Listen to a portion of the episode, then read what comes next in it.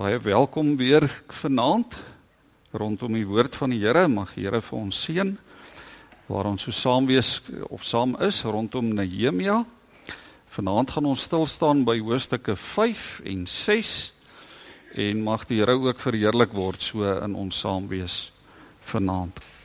Ons gaan van die eerste vers af lees uit Nehemia hoofstuk 5 vers 1 tot en met vers 13. Sekere mense en hulle vrouens het 'n ernstige klag teen hulle Judeese volksgenote ingebring. Party het gesê ons ons seuns en ons dogters is baie. Ons moet koring in die hande kry om te eet en te lewe. Party het gesê ons moes vanweë die hongersnood ons lande ons wingerde en ons huise verpand om koring in die hande te kry. Party het gesê ons moes geld leen om aan die koning die belasting op ons lande en ons wingerde te betaal. Ons en ons volksgenote, hulle seuns en ons seuns is tog een.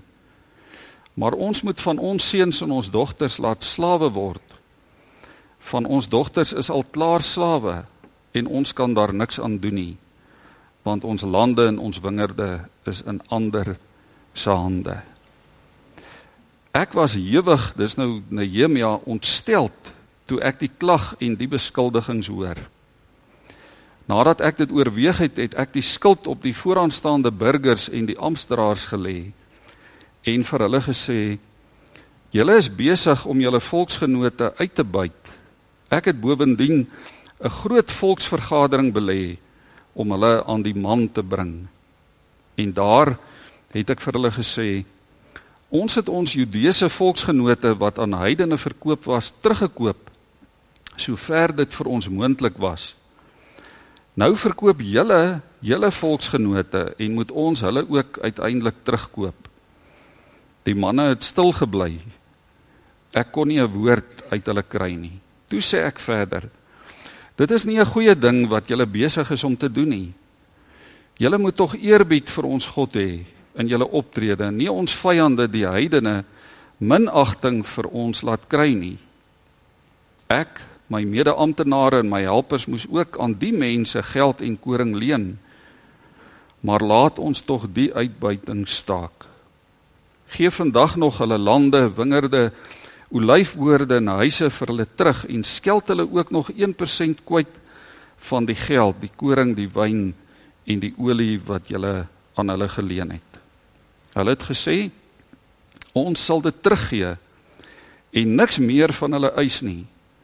Ons sal maak soos u gesê het. Ek het toe die priesters geroep en die burgers en die amptenare onder eed laat onderneem om hiervolgens te handel. Self het ek my sakke uitgeskit en gesê: "Mag God elkeen wat nie woord hou nie, so uit sy huis en sy besittings uitskit dat hy net so kaal uitgeskit en leeg is." Die hele vergadering het gesê: "Amen." En hulle die Here geprys. Die mense het toe gedoen wat ek gevra het. Uh, net tot sover lees ons vanaand. Uh broers en susters gisterand het ons stil gestaan by die vraag hoe gaan dit met jou? En dit was 'n vraag wat wat elkeen van ons vir onsself gisterand ook gevra het in afhanklikheid voor die Here. Hoe gaan dit? Hoe gaan dit met my? Hoe gaan dit met elkeen van ons persoonlik? Uh ons het gevra hoe lyk die mure van jou en van my persoonlike stad? Hoe lyk die mure van ons lewe? Watter emosies is daar wat deel is van ons lewe op hierdie stadium? Is ons bekommerd? Is ons bang? Is ons onseker? Is ons ongelowig? Is daar dalk sonde wat deel is van ons lewe? Um is dit dalk die vorm wat die platgeslaane muur of mure in ons eie persoonlike lewens aanneem? En toe het ons gehoor dat die Here ons roep, elkeen van ons dat hy vir ons stuur om die mure in die eerste plek die mure van ons persoonlike lewens van ons omgewing, ons onmiddellike omgewing te gaan opbou. Maar ook die mure van die van die groter omgewing, van die stad en van die gemeenskap rondom jou en my. Dat ons ook 'n verantwoordelikheid het teenoor ons gesinne, teenoor ons families, teenoor ons omgewing, ook hier in die dorp waarvan ons elkeen deel is. Ons het ook gehoor dat as die mure plat lê, dan stel dit ons bloot.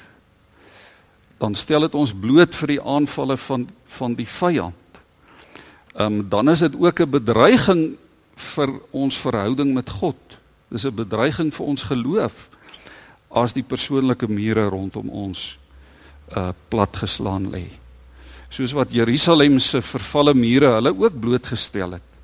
En 'n bedreiging was vir Juda se geloof in vir hulle godsdiens en ook vir hulle toekoms vir hulle lewe saam met die Here.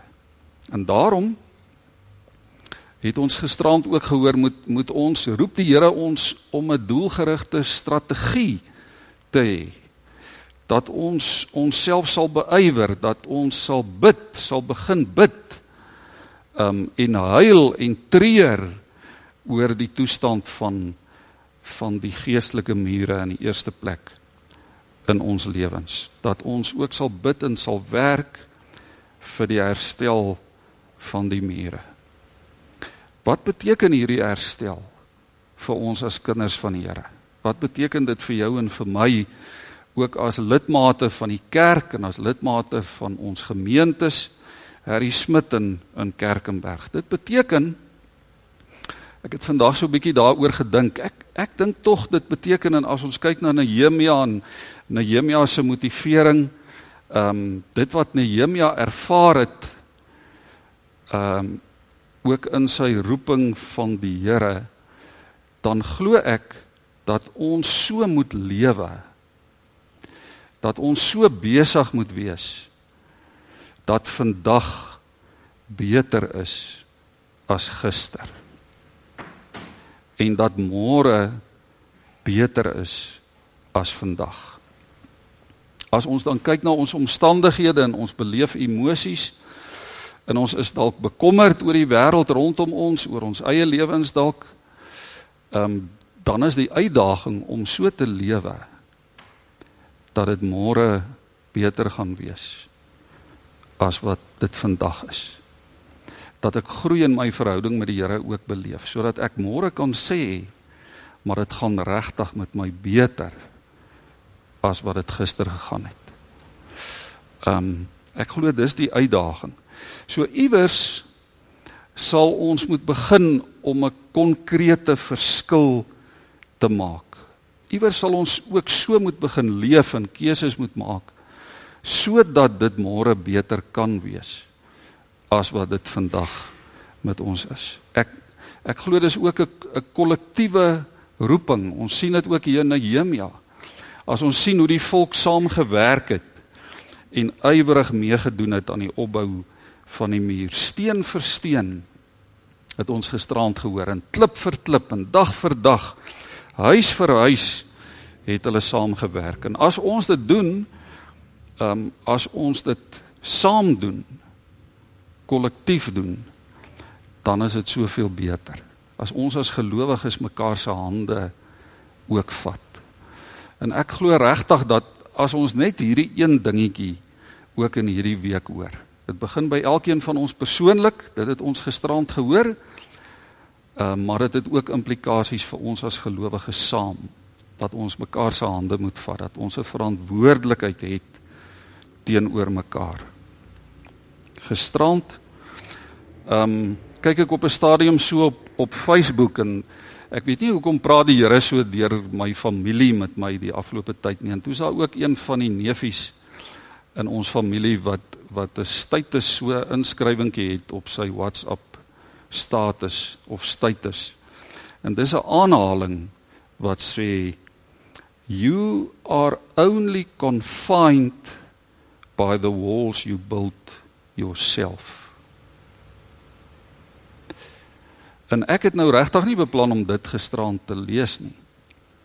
En toe ek dit lees, die ouetjie is in matriek vanjaar toe besef ek maar hier's die Here nou besig om net 'n klomp goed te bevestig.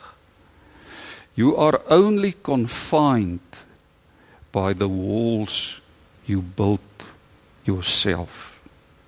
Jy word alleen in ingeperk of beperk of begrens deur daai mure wat jy self bou en wat jy self in stand hou. Ons kan dit seker uitbrei ook. Ek ek dink oor hierdie aanhaling kan ons kan ons baie baie lank praat en dit net nog verder uitbou. Ons kan ook sê you are defined by the walls you built yourself. Jy word gedefinieer deur die mure wat jy bou. Wat jy self bou. Um ons ons weet mure mure begrens ook. Mure is nie noodwendig altyd 'n goeie ding nie. In Nehemia se tyd was dit 'n goeie ding want dit het die stad beskerm. Dit het die tempel beskerm, dit het die inwoners beskerm. Maar partykeer hou ons ook bou ons ook mure doelbewus dalk om ander mense uit te hou of om onsself te isoleer en dan is dit nie noodwendig 'n goeie ding nie, maar die mure definieer ons. Ehm um, dit sê iets van wie ons is. En dan ook 'n belangrike ding uit uit ons teks uit. Mure beskerm ook. Mure beveilig ook. Mure skep sekuriteit. En die Here verwag van ons in die lig van Nehemia om die mure in stand te hou en ook op te bou.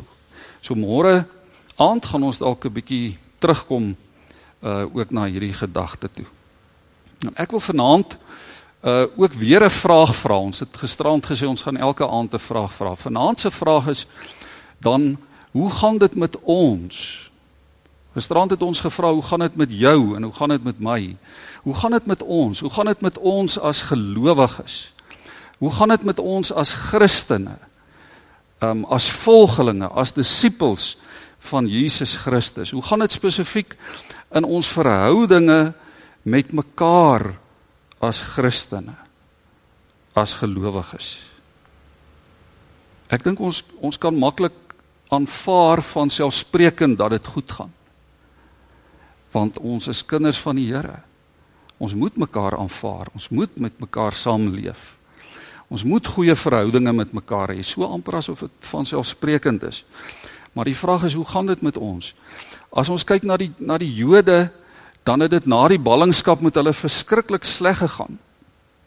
Ons het ook iets daarvan gehoor. Ekonomies was hulle in 'n groot gat. Hulle was baie arm. Hulle is blootgestel aan hongersnood. Hulle moes hoë belastings betaal. Daar was groot finansiële skuld wat hulle moes delg. En ons ons het gelees baie van hulle moes hulle eiendom, hulle wingerde, hulle plase, hulle besittings, hulle huise, hulle lande moes hulle verkoop om aan die lewe te bly. Hulle moes geld leen om te oorleef. Baie van hulle het selfs hulle hulle kinders as slawe verkoop om te oorleef.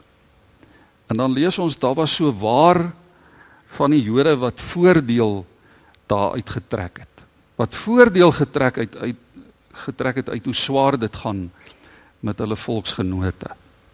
Ons lees van die wat uh, wat geldinvorderaars was vir die koning van Persië uh, wat meer gevorder het as wat hulle moes.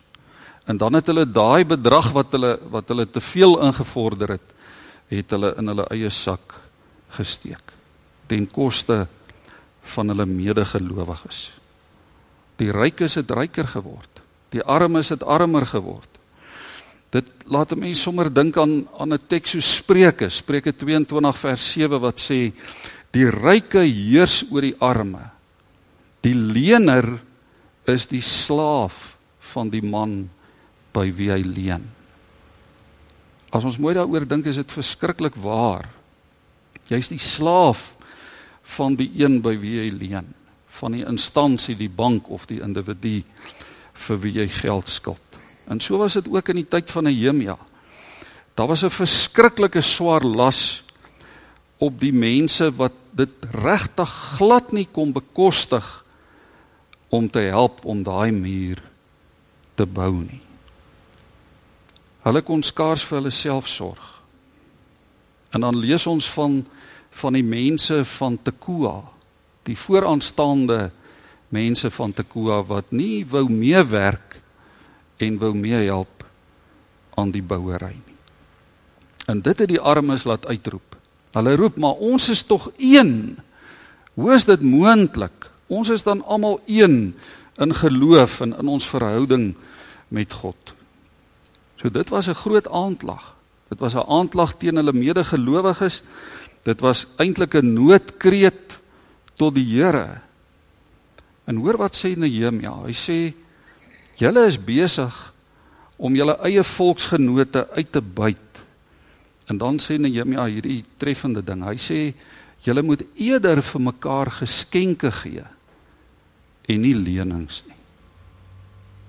Dis aangrypend, né? Um ons weet daar's 'n groot verskil tussen 'n geskenk en 'n lening. 'n Geskenk is iets wat jy onvoorwaardelik gee. Jy gee dit weg, jy gee dit met liefde. Jy gee dit omdat jy waardering het ook vir die persoon vir wie jy dit gee. Jy verwag nie enige iets terug nie. Jy verwag nie nog 'n geskenk nie. Jy gee dit uit liefde omdat daar iets in jou hart leef ten opsigte van hierdie persoon vir wie jy dit gee. Maar 'n lening is iets anderster. 'n Lening verwag jy terug en jy verwag nog meer terug. Jy verwag rente terug. So 'n lening is glad nie onvoorwaardelik nie. En nou kom Nehemia en hy sê maar julle moet julle moet mekaar seën met geskenke. Moenie vir mekaar lenings gee sodat julle verskuldig is aan mekaar nie. Spreuke 19 sluit ook daarmee daarbey aan wat sê as jy vir 'n arme mens iets gee is dit 'n lening wat jy aan God gee en wat God weer vir jou gaan teruggee. So Spreuke sê eintlik elke mens is menswaardig voor die Here. Rykes en armes is gelyk voor God. En ons moet deernis hê met arme mense. Ons moet ons ontferm oor arme mense. Ons moet ons ontferm oor medegelowiges wat swaar kry. Want hier in Nehemia gaan dit oor medegelowiges. Dit gaan oor medevolksgenote waaroor Nehemia hier so ernstig praat en dink. Ons moet deernis hê met gelowiges wat swaar kry. En dit beteken nie ons moet 'n koue skouer gee vir ongelowiges wat swaar kry nie. Dit beteken nie ons moenie ongelowiges help of sensitief wees teenoor ongelowiges uh wat wat swaar trek nie. Maar broers en susters, hoe op aarde gaan ons dit reg kry?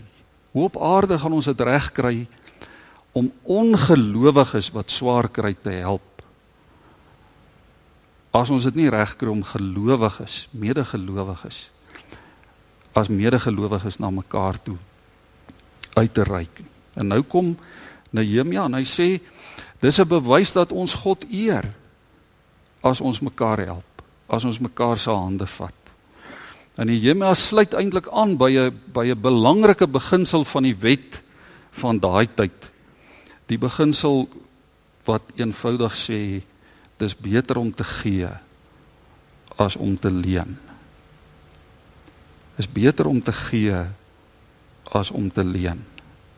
En so moes moes die Israeliete hulle medegelowiges se eiendom teruggee, hulle moes die skuld afskryf volgens dit wat ons gelees het en hulle het beloof om dit te doen. Nehemia moes eintlik mooi praat, nê. Nee. Hy dis asof Nehemia karring aan hulle totdat hulle by die punt kom en sê goed. Ons doen dit. Ons sal dit doen. Ehm um, ek lees dat daar 'n hele klompie jare terug was daar 'n Siamese tweeling wat u van hulle van hulle middellyf tot by hulle heupe aan mekaar verbind was. Margaret en Mary Gibb. En hulle het van die begin af, toe hulle verstand nou ontwikkel het, het hulle geweier om deur 'n operasie van mekaar geskei te word. Hulle het gesê Dis hoe ons gemaak is, dis hoe ons vir mekaar gegee is. Ons verkies dit om so te bly. Om deur 'n operasie van mekaar geskei te word, het hulle gesê, sou nog erger wees as om 'n ledemaat of 'n orgaan, 'n been of 'n arm of 'n oog of 'n 'n nier of 'n whatever te verloor. En soos wat hulle ouer word, het Margaret uh toe gesondheidsprobleme ontwikkel. Sy moes later 'n hele paar operasies ondergaan onder onder andere 'n galblaas operasie en ook 'n uh, behandeling vir 'n vir 'n gewas in haar buik.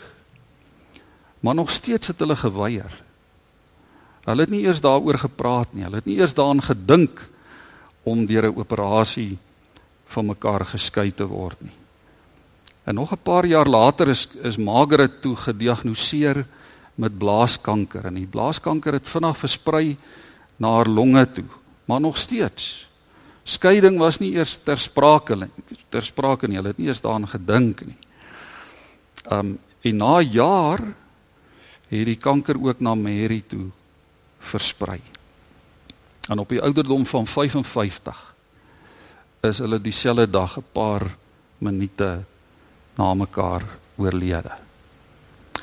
En hulle versoek was dat hulle ook na hulle dood in dieselfde spesiaal gemaakte kus begrawe moes word. Dis aangrypend. Dit het my sommer laat dink, hoe tree ons op teenoor mekaar as gelowiges? As kinders van God? Hoe behandel ons mekaar as kinders van God? Hoe vergewe ons mekaar? Hoe bid ons vir mekaar? In werklikheid kom dit daarop neer dat dat ons mekaar moet behandel asof ons aan mekaar verbind is. Asof ons vas is. Onlosmaaklik verbind is aan mekaar. En ons is baie meer as net in vlees en bloed aan mekaar verbind. Ons is verbind deur die bloed van Jesus as gelowiges aan mekaar. Ons behoort eintlik aan mekaar as kinders van die Here. Dis ons gemeenskaplike faktor. Ons gemeenskaplike faktor is in God. En as ons God se se woord aanvaar as die waarheid, dan moet dit ook die manier hoe ons as gelowiges onder mekaar optree, moet dit beïnvloed.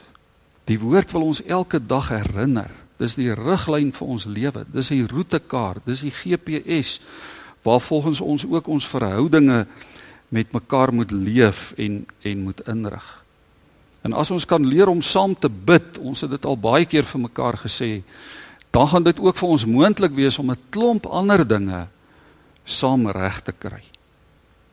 En nou weet ons mos al lankal dit gaan hier glad nie oor swart en wit en klein en groot en ryk en arm en slim en minder slim en Kerkenberg en moedergemeente nie. Dit gaan nie oor daai goeters nie. In Christus as kinders van God behoort ons gemeenskaplike faktor net een ding te wees. En dis die herstel van die mure van ons stad. Dat ons eintlik elke dag vir mekaar vra. Hoe gaan dit met jou? Hoe gaan dit met jou? Dat ek dit in die eerste plek vir myself vra. Hoe gaan dit vandag met jou? Hoe gaan dit vandag met my? Dat ons ook eerlik daaroor is, nê. Nee. Maar dat ons dit ook met mekaar kan deel. Dat ons ook vir mekaar dan kan vra, hoe gaan dit met jou? Hoe gaan dit regtig met jou?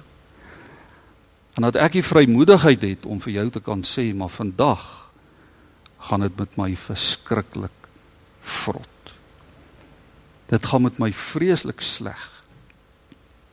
Dat ek dit met met vrymoedigheid kan sê en nie bang hoef te wees dat ek dit iewerster by Shoprite of by Pick n Pay of by die koöperasie of waar ook al gaan hoor nie.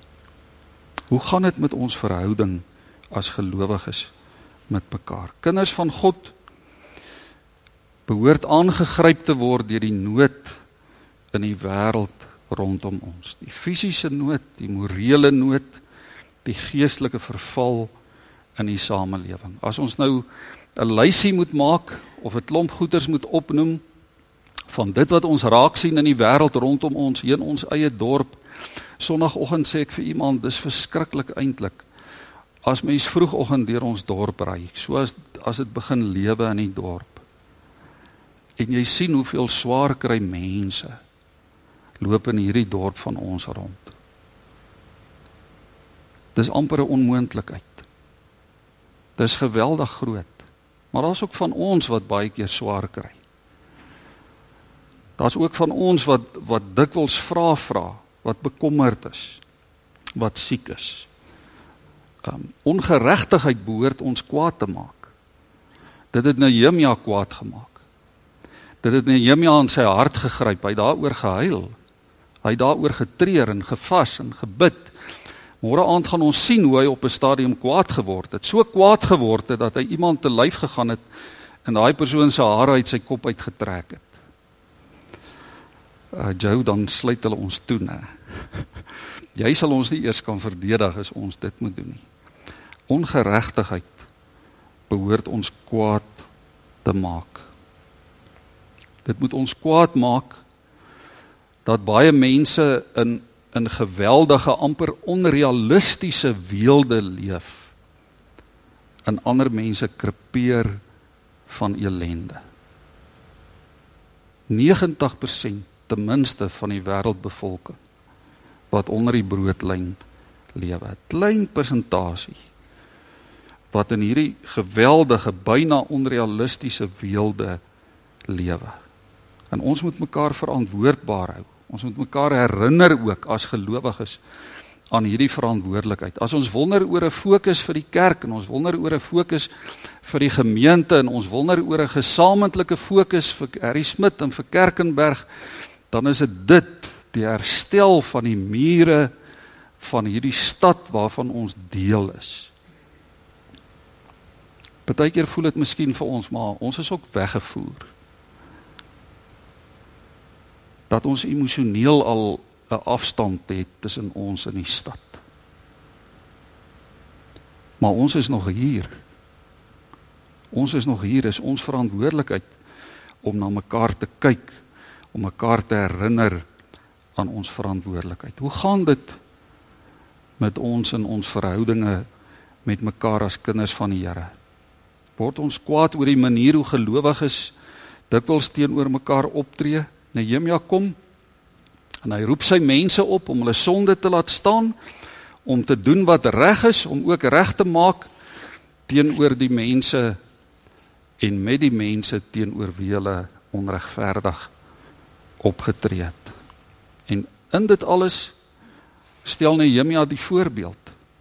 Um ons lees dat hy as goewerneur nie aanspraak gemaak het op sy goewerneurstoelaat nie. So Nehemia gee as dit ware sy bonusprys uit eerbied vir God. En omdat Nehemia deernis het met sy mense wat swaar kry. Ons lees vir 150 mense sorg hy per geleentheid met beeste en skape en voëls en wyn as kos en hy deel God se seën uiteindelik eenvoudig net uit as 'n seën aan ander en dan ongelooflik. Ons lees dit 3 of 4 of 5 keer in die in die boek Nehemia. Dan vra Nehemia dat die Here dit sal onthou as hy aan hom dink. Dan vers 19 sê hy: "Dink my God ten goeie tot my voordeel aan alles wat ek aan hierdie volk gedoen het." Môre aand sal ons sien dat hoofstuk 13 ook afsluit met met so 'n kort gebed van Nehemia. Waar hy vra Here dink aan dit wat wat ek tot voordeel van my medegelowiges gedoen het. So Nehemia vra ook dat dat die Here sy hande sterk sal maak sodat hy die teenstand teen die teen die bouwerk sal hanteer, dat God sy werk in stand sal hou dat God hom sal onderhou, dat God hom sal seën en vir hom sal sorg sodat hy sodat hy sy roeping kan uitvoer en kan volbring. Daar was teenstand. Nehemia het baie teenstand beleef. Daar was teenstand van binne en daar was teenstand van buite. Daar was Sanballat en Tobia en Gesem wat saamgesnoer het teen Nehemia. Hulle het hom probeer ontseën nie. Hulle wou hierdie bouwerk stopsit op 'n slinkse manier nogal. Eers stuur hulle 4 briewe kort na mekaar vir Nehemia. Dis 4 verseelde briewe soos wat dit in daai tyd die gebruik was. As jy 'n brief vir iemand stuur, is dit per hand van dorp tot dorp of van plek tot plek gedra totdat dit uiteindelik by die ontvanger van die brief uitgekom het en die brief is gewoonlik verseël deur die skrywer van daai brief. En so stuur hulle vir Nehemia hierdie vier briewe met 'n klomp aanklagtes teen hom. En dan die vyfde brief is 'n onverseelde brief. Dis baie slinks, né? Dis slim. Hulle hulle verseël hom nie. En dan stuur hulle hom en die brief word aangestuur van plek tot plek, van persoon tot persoon en soos wat mense nou maar is, maak elkeen daai brief oop en hulle lees hierdie klomp beskuldigings en aanklagtes teen Nehemia. En hulle begin met allerlei kinderstories teen hom. Ons lees van Semaja wat vir Nehemia 'n konflik bring met die met die priesters daar by die tempel. Hy het geweet As Nehemia en die priesters mekaar verkeerd verstaan, dan beteken dit die einde van hierdie bouwerk en hy probeer hulle in konflik bring met mekaar, maar, maar Nehemia fokus op sy roeping. Hy fokus op God se plan met sy lewe. En daarom lees ons na 52 dae is hierdie werk voltooi. En dit was nie 'n wonderwerk nie. Um, 'n mens kan maklik dink dit was 'n wonderwerk. Dit was nie 'n wonderwerk nie. Dit was nie 'n buitengewone bo-natuurlike gebeurtenis nie. Dit het gekom deur gebed, deur geloof, deur toewyding, deur harde werk, deur volharding, deur samewerking, deur gelowiges wat ook mekaar se hande gevat het ter wille van hierdie een saak. En hierdie voltooide muur het so groot invloed gehad op Jerusalem se vyande dat ons lees hulle begin twyfel het. En by die Jode was daar 'n hernieude vertroue. Daar was 'n hernieude geloof en 'n selfrespek en 'n hoop op die toekoms, op môre en oormôre. Hulle kon glo môre gaan beter wees as vandag. Broers en susters, ek glo met my hele hart as ons kan leer as gelowiges om regtig regtig mekaar se hande te vat. Regtig mekaar se hande te vat en as gelowiges vas te byt met mekaar dan gaan dit 'n verskil maak. Dan gaan dit 'n verskil maak in 'n land waar ons sê dat meer as 70% van ons is gelowiges. Glo in hierdie God van die hemel waarin Nehemia ook geglo het. Dit sal hoop bring vir die wêreld. Dit sal ons weer laat glo dat môre beter gaan wees as vandag. Kom ons help mekaar daarmee. Kom ons bid vir mekaar ook. Amen.